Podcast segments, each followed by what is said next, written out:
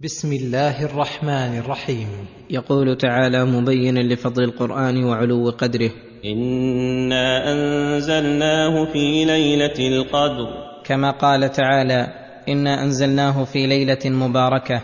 وذلك أن الله تعالى ابتدأ بإنزاله في رمضان في ليلة القدر ورحم الله بها العباد رحمة عامة.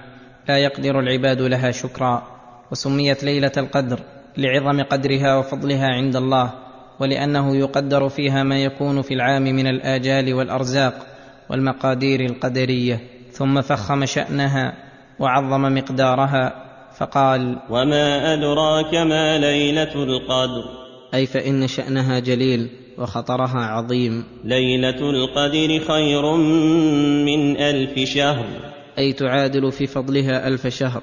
فالعمل الذي يقع فيها خير من العمل في ألف شهر خالية منها. وهذا مما تتحير فيه الألباب وتندهش له العقول حيث من تعالى على هذه الأمة الضعيفة القوة والقوى بليلة يكون العمل فيها يقابل ويزيد على ألف شهر. عمر رجل معمر عمرا طويلا نيفا وثمانين سنة. تنزل الملائكة والروح فيها بإذن ربهم من كل أمر.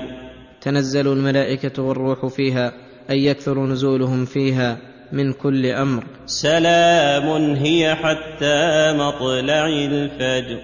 سلام هي أي سالمة من كل آفة وشر وذلك لكثرة خيرها. حتى مطلع الفجر. أي مبتداها من غروب الشمس ومنتهاها طلوع الفجر. وقد تواترت الأحاديث في فضلها وأنها في رمضان وفي العشر الأواخر منه خصوصا في أوتاره وهي باقية في كل سنة إلى قيام الساعة.